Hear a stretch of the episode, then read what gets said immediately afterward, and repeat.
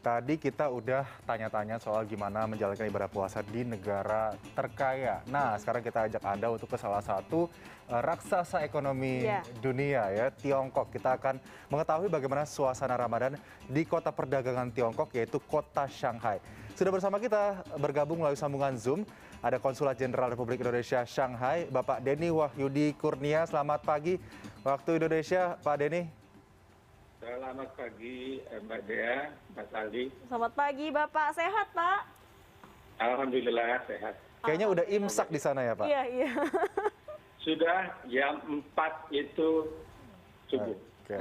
Jadi berarti jam lima di sana ya. Hmm, karena jaraknya tidak terlalu jauh dengan jam Jakarta ya. Nah, beda satu jam ya beda dari jam. kita ya. Hmm.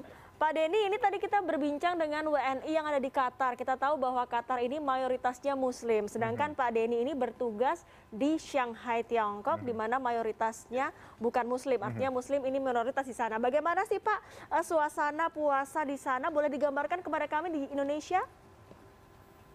Ya, tentu di Shanghai penduduk 24 juta, itu Shanghai-nya kok saja. Kalau di sekitarannya, beberapa provinsi di sekitarnya itu 277 juta sama dengan penduduk Indonesia. Mhm. Jadi kerja keras kita untuk mendapatkan suasana puasa ya. Hmm. Muslim di Shanghai kurang dari 11 uh, 100 ribu orang. Jadi aktivitas uh, keagamaan sudah berjalan lagi mhm.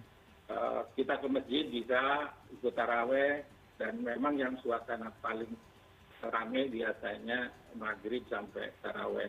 Hari eh, jam jam sholat lain juga masjid tetap buka. Ada tujuh masjid di Shanghai Oke, tadi saya quote pernyataan Pak Denny kerja keras kita mendapatkan yeah, iya, suasana yeah. Uh, berpuasa di kota Shanghai dengan penduduk iya. Muslim yeah. yang minoritas ini. Nah, dalam ikhtiar tadi mendapatkan yeah. suasana Ramadan yang uh, cukup memadai untuk para Muslim yang minoritas di sana, apakah saat ini sudah ada kegiatan pengumpulan uh, yang diperbolehkan bagi WNI di bulan Ramadan ini, Pak, seperti saat sebelum pandemi terjadi lah?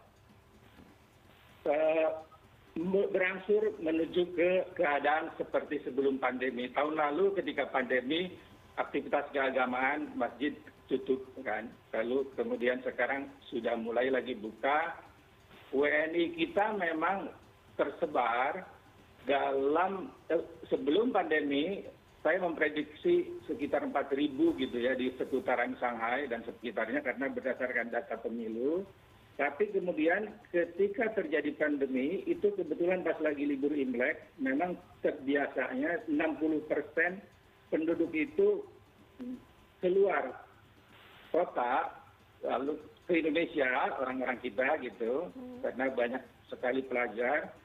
Lalu kemudian juga ada eksodus ketika ketakutan terjadi di awal pandemi itu sehingga mungkin sekarang kita 20 persen WNI di sini hanya tinggal sedikit lagi ratus orang gitu sehingga mereka pun sibuk dengan aktivitas masing-masing. Lalu kemudian yang pelajar di sekolah juga mereka biasanya di asrama belum tentu gak mudah untuk keluar masuk. Jadi suasana puasa kami ya uh, up dengan jumlah yang tidak terlalu banyak. Jadi mungkin lebih afdol kalau ikut saja dalam aktivitas muslim Shanghai di masjid-masjid yang memang banyak didominasi oleh Eh, muslim uh, tiongkok dari gansu dari xinjiang gitu jadi bersama-sama ya dengan muslim dari negara lain termasuk hmm. dari tiongkok ya pak denny ya betul betul hmm. pak denny ini kan kalau di indonesia ini kegiatannya di masjid ini hanya boleh ketika sholat saja dan hmm. kapasitasnya maksimal 50% dari total kapasitas. Kalau di Shanghai bagaimana Pak dengan aturan-aturan tentunya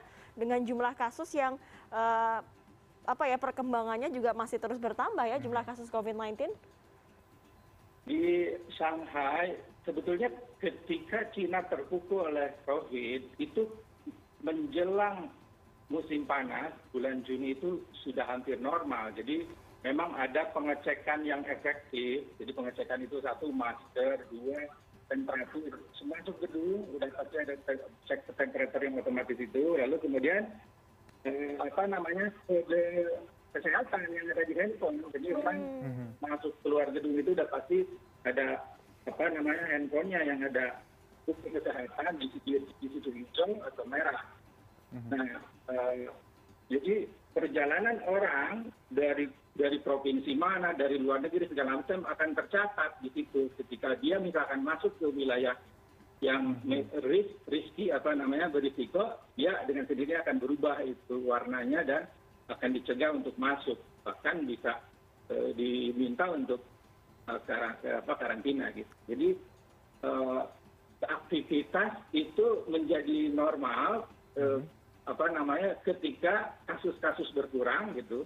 Pada dasarnya kan Shanghai ini tempat masuknya apa pelancong internasional, jadi hmm. kasus akan selalu ada. Sekarang itu mungkin sekitar 50, tetapi kan itu disaring di pelabuhan uh, di airport dan sebagainya, langsung masuk karantina kalau uh, apa namanya dengan kewajiban dua minggu di karantina yang ditunjuk tempatnya lalu kalau ternyata di dalam pesawat itu ada positif kasus positif lebih dari orang itu bisa tambah lagi seminggu itu karantinanya jadi sistem yang efektif untuk mencegah penyebaran virus itu sudah e, berjalan. Bahkan kalau misalkan ada kasus yang munculnya itu tiba-tiba saja dari lokal yang kemungkinan itu penularan dari barang-barang yang terkontaminasi virus itu di wilayah setempat dalam satu desa distrik apa namanya kawasan itu biasanya kompon perumahan ya di